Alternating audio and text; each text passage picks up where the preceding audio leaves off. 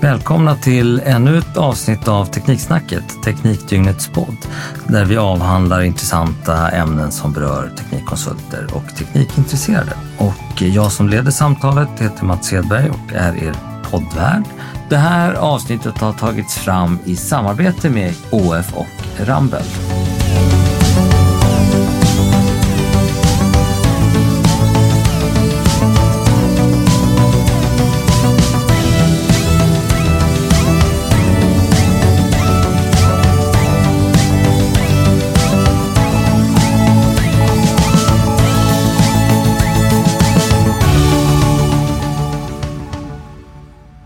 Idag ska vi prata om vatten. Med mig har jag Robert Jönsson som är affärsområdeschef vatten och miljö på ÅF och Annette Seger, vattenchef på Ramboll.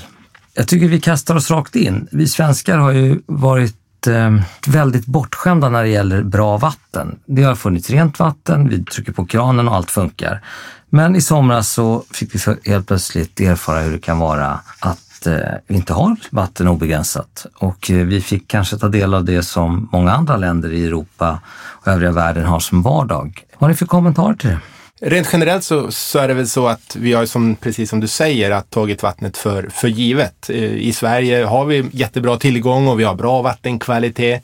Men som sagt, i somras så har vi sett att här hade vi inte den här eh, naturliga vattenmängden och mer. Och på kort sikt så har det faktiskt vattenfrågan blivit en av vårt lands största samhällsutmaningar och det är nog ganska viktigt tror jag att vi inser det. Precis som du säger, vi har haft väldigt bra vatten och tillgång på vatten väldigt länge. Vi har inte gjort några investeringar. Det är det som är den stora frågan. Eh, på 40 år har vi inte gjort några investeringar i vattenförsörjningen i Sverige av olika anledningar. Bland annat så gjorde vi väldigt stora investeringar i slutet på 60-talet då vi hade både gott om pengar och vi hade också en ganska stor vattenförbrukning per person. Så när man dimensionerade produktionen så investerar man för en mycket större vattenförbrukning per person. Och trots att vi har ökat antalet anslutna så har förbrukningen per person gått ner. Så det är egentligen inte förrän nu vi har kommit till en punkt att oj, nu räcker inte kapaciteten till längre och nu måste vi börja investera. Är det uteslutande en investeringsfråga eller finns det andra parametrar i det här också? Jag kan inte se att vi inte skulle kunna få bra vatten i framtiden. Och det har vi också en lagstiftning för i Sverige, att vi huvudmän är skyldiga att tillse. Däremot så har man inte investerat pengar i den takt som man har kunnat behövt. Och då kan man då komma till den här situationen att ja, men kapaciteten räcker inte till. Men är det det som har eh, drabbat många andra länder där man har problem med vatten, att de inte har investerat tillräckligt? Ja, men nu skiljer det sig ganska mycket över jorden. Robert som är hydrogeolog kan det där bättre än mig. Man kan väl titta lite grann på vilka utmaningar vi i Sverige har på vattensidan. Eh, då kan vi ju bara göra en liten eh, tillbakablick hur det ser ut i Europa. Eh, till exempel när vi tittar på en stor stad som Barcelona. Där har man alltså vattenbrist på grund av klimateffekter. Man får väldigt lite vatten egentligen vid kusten medan inlandet får väldigt stora vattenmängder. Så jag skulle vilja säga också att varför vi drabbas nu i Sverige av den här frågeställningen beror mycket på att klimateffekterna har kommit ikapp svenska vattenförsörjningen. Och när du säger klimateffekter bara så vi fastställer, beror det på till exempel global uppvärmning och liknande? Ja, men så är det. Eh, absolut. Och eh, när vi tittar nu på sommaren som har varit, då tycker vi liksom att den är extremt varm. Men tittar man lite grann på de eh, förhållanden som vi har att förvänta oss, om vi tittar på SMHIs eh, prognoser, hur det kommer att se ut 2100, då kommer det här, den här sommaren 2018, att vara en medelsommar.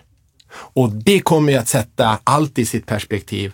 Tänk då hur en sommar kommer att vara i ett extremfall. Så det är, vågar ni säga, och delar ni åsikt om att det här är inte en, eh, ska man säga, en naturlig variation inom de, som det har varit tidigare, utan det här är en mer också en permanent förskjutning, om man nu kan särskilja det på det sättet. Men all forskning tyder ju på att vi går mot ett, ett betydligt mer extremare klimat. Vi kommer att få mycket, mycket kraftigare regn mycket oftare än vad vi har haft. Men vi kommer också ha betydligt mer torka, alltså hela klimatet kommer att bli varmare. Men vi kommer få kraftigare stormar, kraftigare regn. Och man ska ju också komma ihåg även den här sommaren som vi då upplever som varm. Vi hade ju också ett riktigt skyfall, bland annat i Uppsala, som svämmade över halva Uppsala den här sommaren. Så att jag menar, även en torr sommar så har vi ju kraftig nederbörd. Och det här då, Anette, kan vi investera oss bort från det här? Ja, det kan vi göra, men man måste göra det smart. Tills för fem år sedan så har vi varit helt inriktade på att vi ska leda bort allt vatten med rör i backen. Ett exempel på det är ett klassiskt exempel, skyfallet i Malmö 2014 när det på sex timmar regnade 120 millimeter. Och då hade det redan regnat ett halvt dygn innan så att alla system var fyllda. 120 millimeter över Malmö motsvarar 54 turning torsos och hela systemet motsvarar 11 turning torsos. Då inser man att vi kan inte bygga ut för ytterligare 54 turning torsos utan vi måste ju bygga för att vattnet får plats i samhällsbilden. Eh, så vi kan inte bygga för att vi ska leda bort allt vatten under jord, utan vi måste bygga för att vattnet är en del av hela samhällsstrukturen. Och för oss lite okunniga, vad betyder det i praktiken? Det betyder att vi måste lämna plats för anläggningar där vi tar hand och fördröjer vattnet i staden. Vi kan inte utgå från att allt vatten ska ledas bort omedelbart. Varje gång nu när vi förtätar våra städer, när vi tar grönområden som tidigare har varit buffertzoner för regnvatten, eh, ganska vanligt att vi kommer in sent i byggprocessen och så säger de, ja så måste vi ha en anläggning för att ta hand om vattnet och helst då på en hög punkt där det är dyrt att bygga. Så får man börja med den pedagogiska uppgiften och berätta att vatten rinner ju neråt. så vi kan inte ta hand om vattnet i den högsta punkten. Men hur, hur kan sådana här anläggningar se ut? Så, man får, så vi får, man får lite känsla för det hela.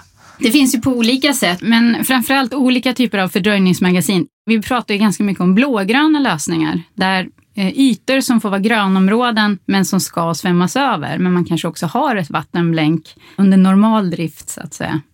Eh, det finns ganska mycket att göra. Eh, sen finns det ju gröna tak, det finns andra lösningar också. Men vi behöver ta in det tidigt i stadsplaneringen. Och är det här någonting ni skissar på redan idag när ni jobbar med det här? Det här är väl en sak som är jätteviktig när man pratar om framtida städer och hur man ska ta hand om vårt vatten. Och det Anette beskriver här, det är ju en, en effekt av en klimatförändring som innebär att vi får tendens till att få mer skyfall. Istället för eh, regn som kommer spritt över hela året så kommer det numera i form av skyfall. Väldigt, väldigt mycket vatten som kommer under väldigt, väldigt kort tid. Och det innebär ju liksom att det ställer ju krav på oss på ett helt annat sätt idag och i framtiden än vad det gjorde igår. Så att vi står inför något slags paradigmskifte här, liksom att när vi utformar både framtida städer och eh, VA-system så måste man ta hänsyn till klimateffekten och det tycker jag är en jättestor utmaning som vi har idag. Vad måste vi investera i? I befintlig stadsmiljö och så vidare. Vad behöver vi göra? Det finns ju lagar och regler för det här som blir mer och mer uppmärksammat och som kommer att kosta pengar. Men jag skulle samtidigt vilja säga, för fyra år sedan, vi som jobbar med vatten, då, då var det här mer en miljöfråga. Och helt plötsligt nu när vi börjar prata om översvämningar, då börjar vi prata om stora kapitalvärden som förstörs varje gång någonting översvämnas. Så för fyra år sedan när jag liksom fick upp ögonen för det här och jag insåg att försäkringsbolagen började dra öronen ifrån sig. De började prata om att det kan vara hela kvarter eller gator skatter som de inte kommer kunna försäkra i framtiden. Villaägare och fastighetsägare får inte eh, försäkra sin fastighet på grund av att man vet att här kommer att översvämmas. Och då tänkte jag bara bingo! När pengar kommer in i bilden, då finns det alltid eh, saker att göra. Och pengar finns att investera, det kan jag säga. Så nu lyssnar man lite mer på er som jobbar med vattenfrågorna? Ja, det har kommit absolut på, på, på agendan på ett helt annat sätt än, än, tidigare. Och det som man kan flika in till också, det är väl att det är en form av dagvattenhantering, men de här skyfallen, kraftiga regnperioderna, innebär ju också att det kommer mer vatten i vårt eh, avloppssystem vilket gör att både reningsverk och ledningsnät, pumpstationer, de breddar över. Och de breddar över till våra vattendrag som i slutändan används som vattenförsörjning. Och här har vi en jättestor utmaning också, liksom en effekt av klimatförändringarna, att det blir mer vatten i omlopp, det blir mer breddningar, vi får en försämrad vattenkvalitet att ta hand om. Så här måste också våra vattenverk ses över och titta på, ja men eh, hur ska vi utforma dem rent behandlingsmässigt för att möta framtida krav på rening? Här har vi en jättestor utmaning också som jag tycker liksom att eh, vi inom konsultbranschen måste liksom eh, hjälpa till och jobba med. Till exempel så har vi en forskning och utvecklingschef då, en kille som heter Martin från Prag som jobbar 80 procent som forskning och utvecklingschef med 20 procent i forskningsvärlden. Och det tycker jag är viktigt liksom att vi ser att vi är lite nyfikna på vad är det i framtiden som vi måste ta hänsyn till? Hur ska vi jobba? Hur ska vi agera? Känns väldigt spännande. Du nämnde Robert vattenrening, vattenverken eller vad man ska säga. Ja. Och, och de måste ändras. Vad, vad är det som måste ändras? I och med att vi får en förändrad råvattenkvalitet, det vill säga vattnet som vi tar upp antingen från grundvatten eller från ytvatten, har en annan kvalitet så måste vi då titta på hur ska vi rena den vattenkvaliteten för att det ska bli så bra vatten som möjligt ut till konsument. På vilket sätt är den sämre? Det är till exempel att får man skyfall, eh, kraftiga regn, så är det ju så att omgivningen spolas av och rinner ner i lågpunkter, ner till bäckar och till åar och vattendrag och även i grundvattenmagasin. Och är det så att det finns föroreningar, det kan ju vara vad som helst. Det kan vara trafikerade ytor, det kan vara eh, åkermark, gödselhögar, det kan vara skogsmark, det kan vara ganska mycket partiklar i det här vattnet. Det kan vara föroreningar på eh, bekämpningsmedel och det kan vara väldigt mycket olika saker. Så att det här gäller ju liksom att ja, men vi har en teknik idag, men hur ser tekniken ut imorgon? Hur ser behoven ut imorgon? Det är precis det vi jobbar med allihopa. Och märker vi redan idag att eh, kvaliteten på vårt dricksvatten har blivit sämre? Det finns ett antal parametrar som man mäter kontinuerligt och då kan man se att det finns, eh, man brukar prata om en brunifiering av vattnet. Eh, det är en sak. Det låter trevligt. Ja, det, det blir, blir mer och mer organiskt material i vattnet. Och organiskt material är ju mat för bakterier. Så det där organiska materialet vill vi avskilja innan vi pumpar ut det som dricksvatten. Annars växer det till bakterier under distributionen och det vill vi säkerställa att det inte gör. Så det är en sida. En annan sida är, precis som eh, Robert började prata om, när du breddar ut eh, avloppsvatten i våra vattentäkter så får vi också massa mikroorganismer och virus i vattnet som vi inte vill ha ut i distributionsnätet och till konsument. Då måste man ju säkerställa mikrobiologiska barriärer. Och det är också någonting som man börjar jobba med de sista åren. Idag pratar man om att man ska ha tre mikrobiologiska barriärer för att säkerställa mot bakterier, virus och protozoer. Så det är den ena biten. Den andra biten är ju också att i och med att alla bor tätare och tätare, vi har också en eh, struktur att vi använder mer och mer mediciner. Eh, medicinerna, de rinner också ut i våra vattendrag och byggs in i, i både flora och fauna. Forskning visar ju då, helt plötsligt så blir vi varse om att det är saker i det här råvattnet som vi inte vill ha i dricksvattnet eller vi börjar undra hur det påverkar oss. Just nu pratar man väldigt mycket om mikroföroreningar. Dels är det ju läkemedelsrester och dels är det till exempel mikroplaster. Hur påverkar det oss? och flora och fauna. Så det finns massor med saker att fundera på. Vad är det vi behöver rena bort i framtiden? Och vad skulle du säga, vad är mest akut? Det som bubblar väldigt mycket nu då, så är det ju eh, läkemedel, precis mm. som du nämnde. På vilket sätt ska vi rena eh, läkemedel från vårat vatten? Ska vi rena det när det kommer till avloppsreningsverken till exempel? Eller ska vi rena det när det kommer in till våra vattenverk? Det tycker jag är en intressant fråga vissa avloppsreningsverk börjar ju titta nu på, inte verken i sig, utan det är ju alltså de som, eh, alltså kommunerna som har de här anläggningarna, att eh, öka rening på avlopp för att säkerställa att vi inte får ut de här föroreningarna i naturen rent generellt. Och det tycker jag personligen att det är det bästa sättet. Hur skulle du säga att medvetenheten är hos våra politiker när det gäller de här frågorna? Den börjar väl bli bättre. Men det är också så, det inser jag också. Många gånger så slåss man ju om uppmärksamheten med skola, vård, omsorg, trafik. De här sakerna som, som man som medborgare upplever och irriteras över eller sliter med dagligen. Och vattnet har ju alltid kommit till kranen. Det finns liksom inte kanske den här stora medvetandenivån att vi behöver göra större investeringar på hela vår eh, infrastruktur vad det gäller vatten och avlopp. Jag vet för några år sedan så pratade jag med någon VA-chef i en av våra största städer eh, som beskrev att förnyelsetakten i distributionsnätet var 700 år. Det vill säga man byter ut distributionsnätet på 700 år. Det är en ganska lång tid kan man säga. Så vi kanske skulle må bra av några ytterligare krissomrar när det gäller vattnet för att höja medvetenheten? Så är det ju faktiskt att eh krissituationer gör ju att man börjar tänka efter lite extra. Hur kan det komma sig att vi nu helt plötsligt börjar prata om vattenbrist i Sverige? Har vi inte väldigt mycket vatten? Jag menar, vi som flyger och så ser vi ut över liksom landet, jag menar, det finns ju mycket vatten som helst. Hur kan vi då prata om vattenbrist? Men det är väl bara så att det är vatten på fel ställen och till en för dålig vattenkvalitet helt enkelt. Och det är därför vi pratar om till exempel nu med, med, med vattenrening. Områden som tidigare har varit, inte, inte varit eh, kända, jag menar mm, hos försvaret med eh, Eh, brandbekämpningsmedel, där det kommer ut PFAS i våra grundvatten, i våra vattensystem. Det vet vi inte hur vi ska rena idag på bästa sätt, utan här måste utvecklingen också gå fram. Vi pratar kolfiltrering, men finns det andra metoder? Bekämpningsmedel är också en sån sak som vi hittar i, i våra natur. Men fortfarande är det så att allting går ju att rena bort, men det är en kostnadsfråga. Det finns ju lösningar, men det kostar mycket pengar. Men å andra sidan då, om en liter vatten idag kostar att producera ungefär 3 öre, även om det ökar med 10 gånger, så pratar vi om 30 öre per liter. Och det kanske kan jämföras då med buteljerat vatten som mm. kostar vadå? 30 kronor liten ja, om någonting. du går på Pressbyrån.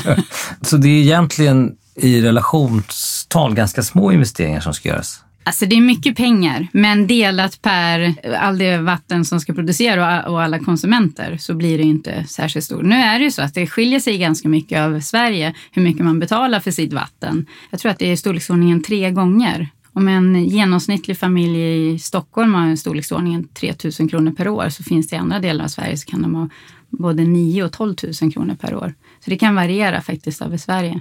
Om vi då tittar till oss själva, är det värt för den enskilda individen och hushållet att jobba med sin vattenkonsumtion? Ja, så är det, för man betalar ju för de litrarna man använder. Så att om man, mm. om man vattnar gräsmattan två veckor per år så får man betala för det.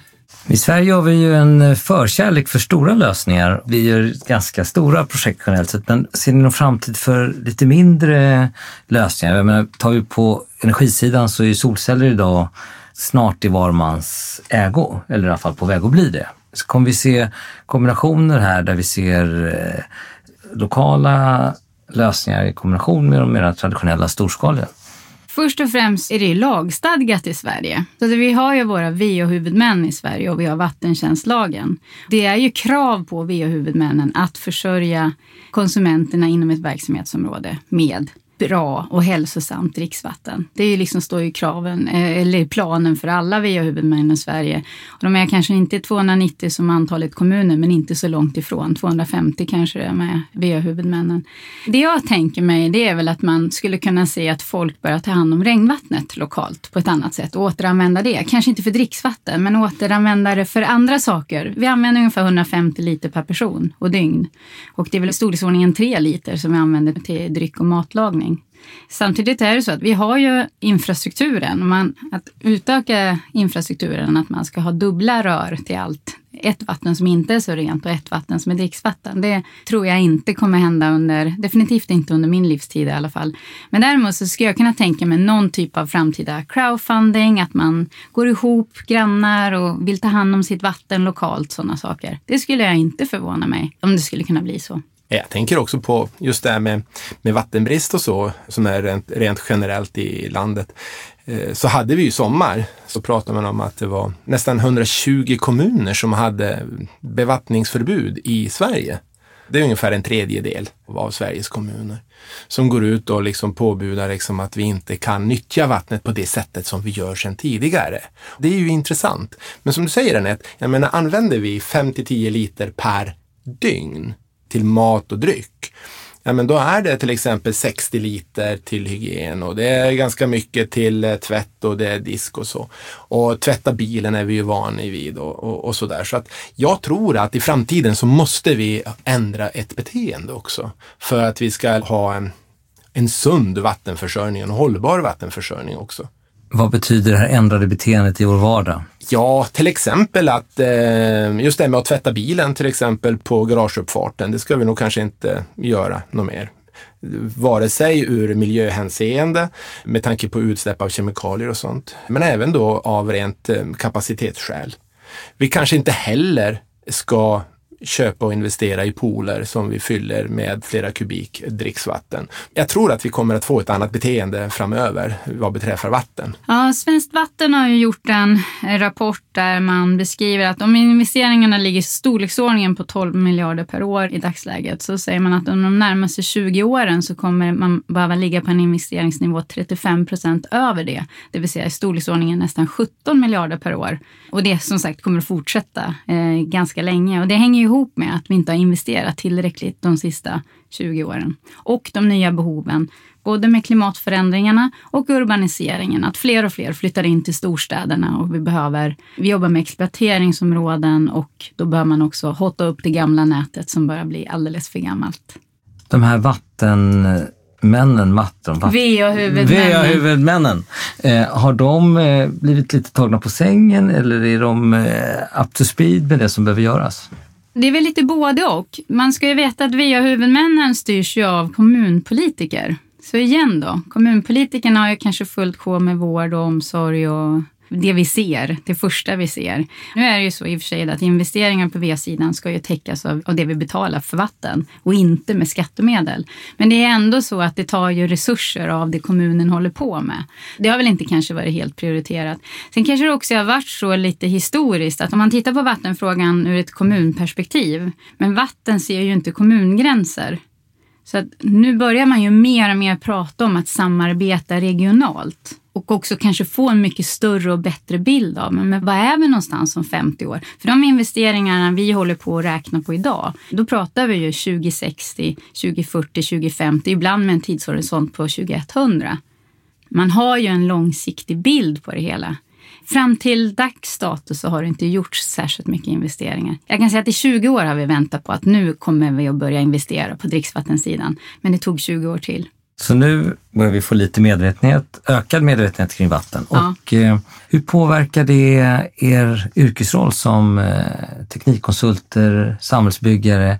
Håller den på att förändras? Det största hotet som jag ser mot vår bransch är bristen på folk. Brist på kompetens. Och då menar jag inte att folk inte kan tillräckligt, utan vi är för få som kan. Vi hade en stor generation som har gått i pension som upptog en ganska stor del av marknaden.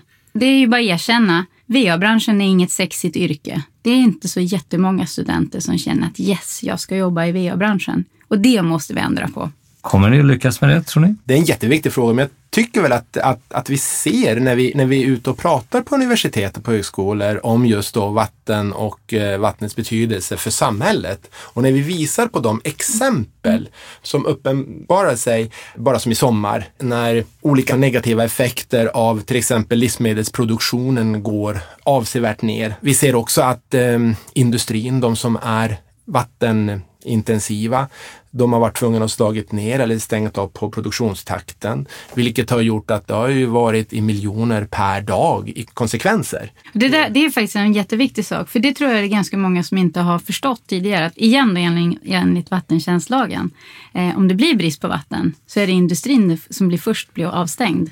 Därför att kommunen måste förse konsumenterna i första hand och industrin kommer i andra hand. Och det kan ju komma som ett wake-up call. Ja, det brukar ju, eh, follow the money, det brukar ju få effekter. Men sen vet man också, på vissa ställen så är industrierna oerhört viktiga för kommuner. Det finns alltså kommuner som har eh, leverans av sitt dricksvatten ända upp till 80 procent av sin produktion. Så det är oerhört viktigt för samhället, för industrin att verkligen producera det här vattnet. Och det är väl det här som är viktigt att eh, ta del av vattnets betydelse för hela samhällets funktionalitet. Och det tror jag är en ögonöppnare, speciellt i sommar.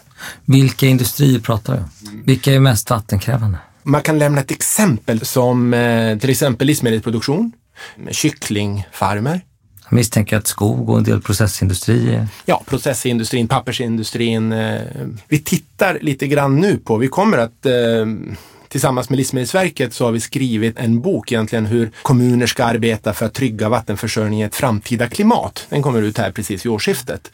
Där finns det vissa handkraftiga eh, idéer på hur man kan jobba, hur man kan tänka för att säkra sin vattenförsörjning i ett framtida klimat. Och då är det ju både med skyfall och med torka och med värmeböljor. Så det är viktigt att man får ut någon typ av handbok till, som Anette sa, just de här huvudmännen då, liksom att okej, här kan vi faktiskt ha någonting som vi kan bläddra i och veta hur ska vi göra? För jag tror att där är det många huvudmän idag som kanske inte vet. Och Och sen, det är ju på det strategiska, att ta de här strategiska besluten. Nästa problem är ju att det inte finns tillräckligt med folk som kan utföra jobbet. exakt. Och hur ska vi få det lite sexigare? Det finns ju otroligt många unga som brinner för miljö och för samhällsfrågor. Jag tror att vi måste mycket tydligare synliggöra att vatten är absolut en samhällsfråga. Det är den ena delen. Och den andra delen är, ja, om man fortsätter att göra som man alltid har gjort så får man det resultat man alltid har fått. Och då någonstans så säger man brukar också prata om att om man ser hela bygg och eh, teknikbranschen ligger 15 år efter eh, många andra branscher. Jag tror att vi kommer behöva jobba mycket, mycket mer med automatisering, både i planprocessen och i genomförandeprocessen. Att vi måste jobba med nya hjälpmedel som vi inte har idag. Vi kommer behöva ha in folk med en helt annan bakgrund. Vi kanske behöver ha folk som knackar kod snarare än som är intresserade av vatten som sådan. Så hur många fler skulle vi behöva in på teknikkonsulterna, samhällsbyggarfirmorna för att det eh, här ska kunna motsvara efterfrågan? Ja, om vi säger att arbetsbördan ökar med 35 procent så är det ju 35 procent om, vi ska om vi ska fortsätta jobba som vi gör idag. Som sagt. Ja, Annars ja. så måste vi jobba med, med andra arbetsmetoder. Vi är ju ett, ett antal hundra idag, men jag tror att vi skulle lätt kunna fördubbla den styrkan. Traditionellt har det också varit så att eh, svenska teknikkonsulter faktiskt har jobbat ganska mycket utomlands med de här frågorna. Mm. Eh, är det någonting vi också kommer att exportera tror ni? Det tror jag absolut. Eh, det gör vi redan. Våran kompetens och kunskap är efterfrågad och eftertraktad. Absolut. Ramble, vi har redan en global eh, vattenorganisation som jag ingår i. Vi är 1100 personer som bara jobbar med vattenfrågor. Så vill man jobba med vatten och jobba internationellt så är det här inte så ja, det, är, tokiga det, det finns arbetsområde? Det är otroligt kul och roligt och stimulerande också. Det är ju att få jobba med ett ämne som verkligen man kan göra skillnad. Det är ju det som är så fascinerande egentligen att jobba med vatten. Man kan fråga, man kan prata med alla oavsett ålder. Vad tycker du om vattnet? Hur smakar ditt vatten i, i din kommun? Och det här är ett gott vatten, det här var ett godare vatten. Vi säger att vi har stora utmaningar men vi måste också säga att i Sverige har vi ett av världens bästa dricksvatten och, och de som jobbar med vattenfrågor ute på kommunerna, de, de gör alltså ett fantastiskt bra jobb. De är verkligen hängivna det måste vi säga, liksom, att det är ett riktigt genuint bra fackfolk. Men sen ska man ju veta det att de här stora investeringarna som måste göras, man gör ju en sån här investering var 20 år. Vi behöver hjälpas åt, både beställarsidan och konsulter och entreprenörer, så att det blir bra genomförda projekt. Det är ju stora pengar vi pratar om. Du sa Robert att ni gör skillnad. Kan ni ge något exempel båda två där ni har känner att här gjorde jag skillnad? Ja, det finns väl många exempel på det. Men att eh, hjälpa en kommun med en vattenlösning, att till exempel minimera kemikalieanvändningen i dricksvattnet. Där tycker jag liksom att där är det jättebra. Slippa en aluminiumsulfat eh, tillsättning till exempel, eller att minska andra kemikalier. Då tycker jag att då har man ju gjort en väldigt stor samhällsnytta. Dels så minskar man ju miljöbelastning där kemikalierna bryts, transporterna och att vi inte behöver få de här kemikalierna när vi dricker vatten. Och det har du gjort? Ja, ett flertal tillfällen. Vad bra! Jag vänder mig till Anette. Jag jobbar inte riktigt i projekt längre utan jag jobbar på en liten annan strategisk nivå numera. Men när jag får frågan vad jag gör på en middag sådär med folk som man inte känner sen innan. Så, vad gör du Anette? Och säger, jag jobbar för att säkerställa att dina barnbarnsbarn har ett bra dricksvatten att dricka. Och har ni gjort det på Ramböll? Ja, det måste jag säga. Att det, är väl det, vi, det är det vi jobbar med dagligen. Det här var väl en ganska bra avrundning på ett, tycker jag, väldigt spännande samtal. Eh, jag skulle vilja tacka Robert Jönsson på ÅF och Anette Seger på Rumble för ett jättebra samtal. Det här avsnittet har tagits fram i samarbete med ÅF och Rumble. Mm. Tack! Tack så mycket! Tak, tak.